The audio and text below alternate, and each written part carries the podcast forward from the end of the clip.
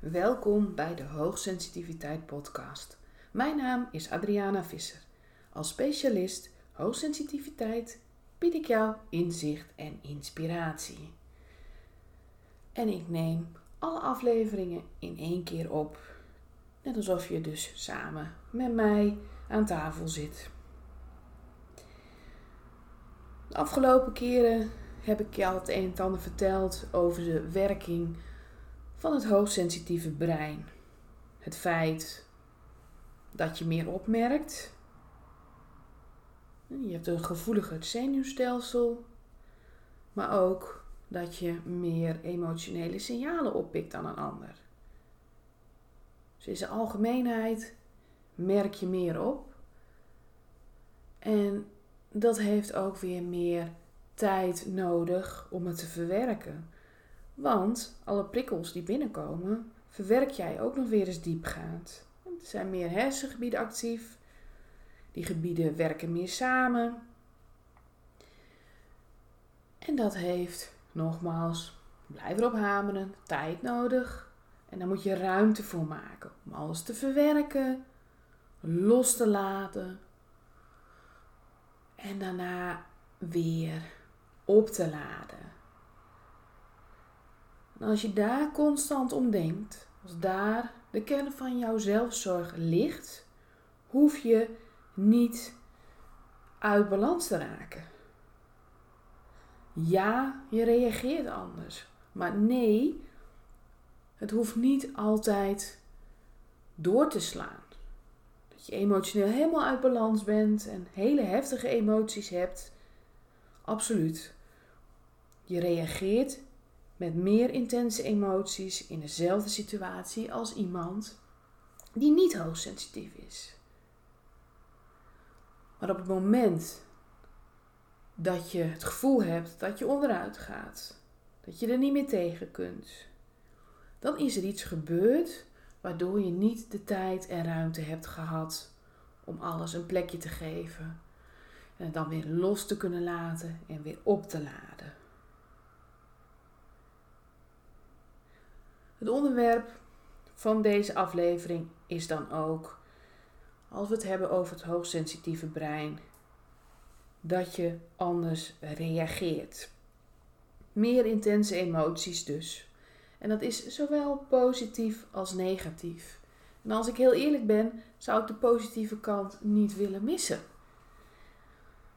Veel meer kunnen genieten, veel gelukkiger zijn, veel blijer zijn. En dat vaak ook al met kleine dingen. Ga voor jezelf ook maar eens na. Waar kun jij intens van genieten?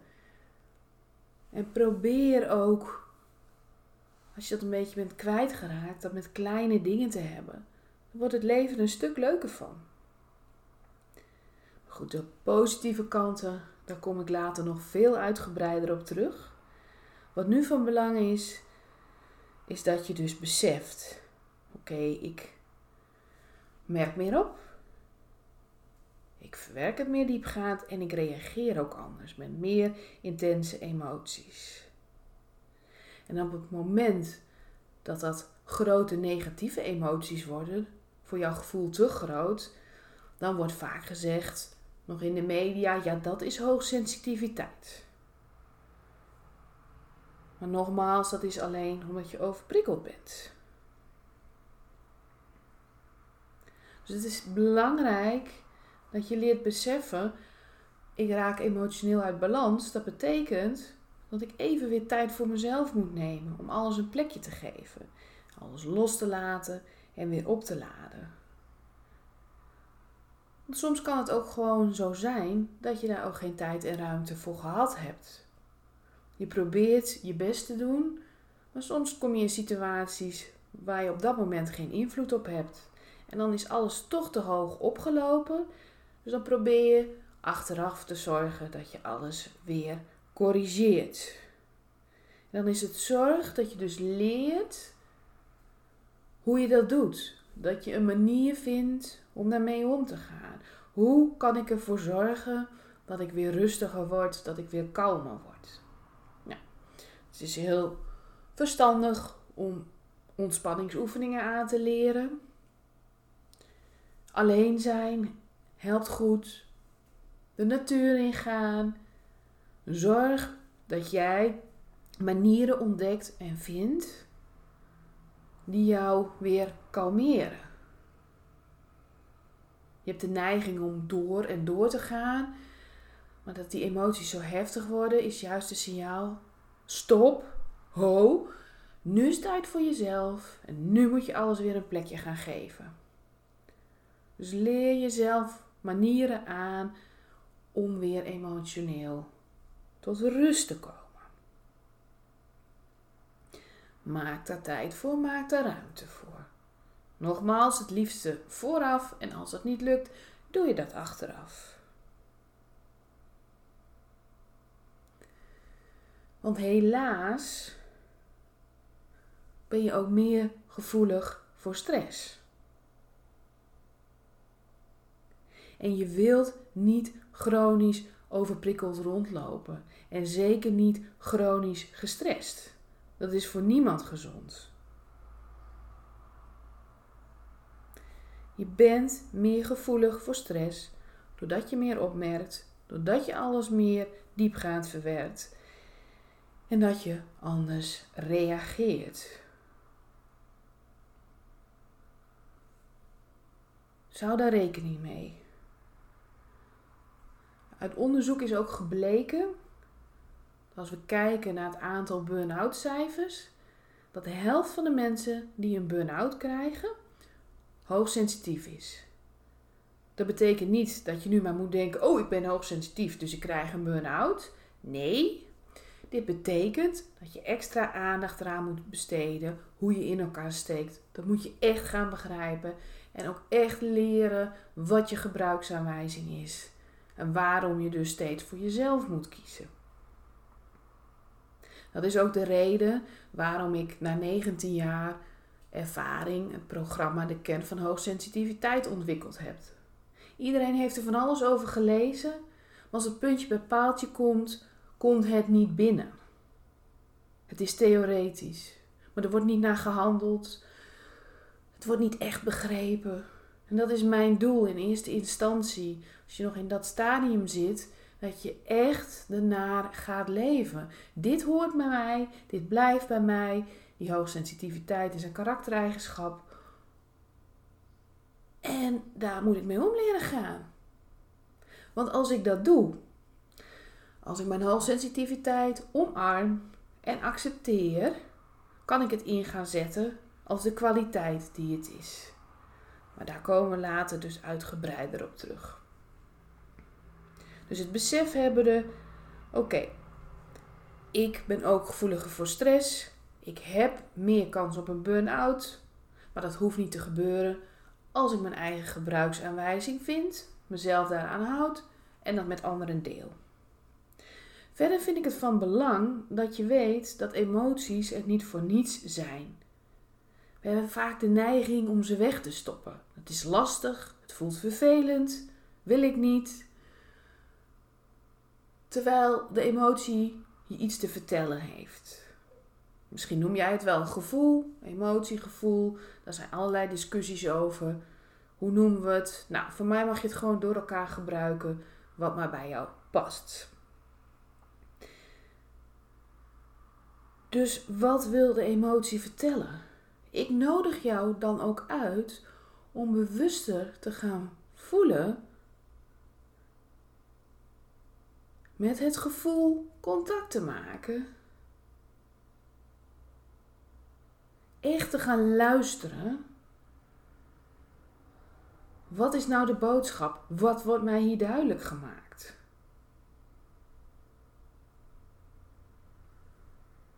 Want hoe meer jij het gevoel negeert, hoe harder het bij je aan blijft kloppen. Want het wil je helpen. Vaak wil het je ook beschermen. Luister nou, ik heb je iets te vertellen. Oh, hoor je me nog niet? Nou, dan maak ik het nog wel wat duidelijker. En dat doet natuurlijk niet alleen die emoties, maar ook je lichaam. Als jij constant overprikkeld bent en steeds meer stress krijgt, dan krijg je ook steeds meer stressklachten. Jouw lichaam geeft aan, je moet nu echt iets veranderen. En juist als je hoogsensitief bent, is het ontzettend eng om meer te voelen, meer te luisteren. Want je denkt heel vaak: ik voel al zoveel, laat ik het maar wegstoppen. Dan heb ik rust. Maar je duwt het alleen maar een tijd lang weg en op een gegeven moment komt het met heel veel kracht naar boven. Dus leer het meer onder ogen te zien. Je hoeft niet uit balans te raken, maar als het gebeurt, dan willen emoties je iets duidelijk maken. Maar emoties kunnen het ook voor willen zijn. Als jij een heel vervelend gevoel krijgt bij een afspraak van tevoren al, dan moet je bij jezelf maar eens nagaan. Heb ik er eigenlijk wel energie voor om erheen te gaan? Word ik er eigenlijk wel blij van? Of nog sterker, wil mijn intuïtie mij een aanwijzing geven dat dit niet goed voor mij is? Dus ik weet dat het spannend is, maar ik nodig je uit om meer bewust naar je emoties te gaan luisteren. Ze mogen er zijn. Naast het feit dat wij meer intens reageren met emoties, is ook de zelfreflectie meer ontwikkeld. Dus dat betekent dat je heel goed in staat bent om over jezelf na te denken. Is het wel goed wat ik doe? Waarom doe ik dat? Wat vindt de ander ervan? Doe ik die daar pijn mee? Dus constant nadenken. Kan het anders? Kan het beter? Doe ik het wel goed? En in een gezonde vorm is dat prima. Daardoor ontwikkel je je. Ik werk persoonlijk ook alleen maar met mensen die tot zelfreflectie in staat zijn. Anders kunnen ze ook niet veranderen. Maar bij VHSP wordt het te groot. Dan wordt zelfreflectie zelfkritiek. Dus er wordt te veel onder een vergrootglas gekeken. Alles wordt uitvergroot, alles wordt beoordeeld, bekeken en vaak ook negatief beoordeeld. Ik zal het niet goed doen, ik kan het niet, anderen vinden mij niet geschikt enzovoort. Heb je daar last van, dan is het ook belangrijk dat je daar aan leert te werken. Want vaak zit er ook weer een onderliggende laag onder die eigenlijk aangeeft dat je misschien iets te gevoelig bent voor afwijzing. Je hebt dan vaak het een en ander meegemaakt, waardoor je daar ook ervaring mee hebt. Je bent vaker afgewezen door je hoogsensitiviteit. Misschien ben je als kind gepest. Nou, zit die onderliggende laag daaronder, dan is het heel belangrijk dat dat een plek gaat krijgen. Dat je dat kunt verwerken. Want anders ga je steeds vanuit die pijn overal op reageren. En geloof me, dit is bij heel veel mensen het geval. Dus er is niks mis met jou. Mocht dat bij jou het geval zijn, helemaal niet. Maar het is een stuk wat je mag helen.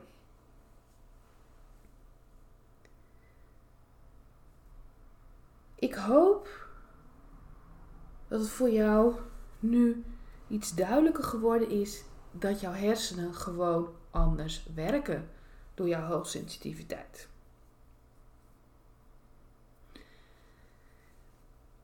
Als je zegt, ik wil dat nog meer op mezelf toegepast hebben. Ik wil echt mijn eigen gebruiksaanwijzing ontdekken, zodat ik die ook voor kan leggen aan anderen, zodat ik me echt gezien en gehoord voel. Maar ik kan het niet alleen. Neem dan gerust contact met mij op. Het programma De Kennen van Hoogsensitiviteit helpt je hierbij. En dat heb ik uit al die jaren ervaring ontwikkeld. Juist van, ja, ik heb het wel eens gelezen. Maar dan, je moet het gaan doorleven. En ik durf te zeggen dat ik dat gedaan heb. En dat ik weet wat jij nodig hebt om die stappen te zetten. Dus je hoeft het niet alleen te doen. Neem gerust contact op. En als je het een en ander nog na wilt lezen, dan kun je ook naar mijn blog gaan. Daar leg ik ook vaak het een en ander nog uit. Wat ik ook besproken heb in de podcast. Dus wil je meer weten? Wil je contact met me opnemen? Dan nodig ik je uit om naar mijn website te gaan. www.adrianavisser.nl Ik bedank je weer voor het luisteren en tot de volgende aflevering. Dag!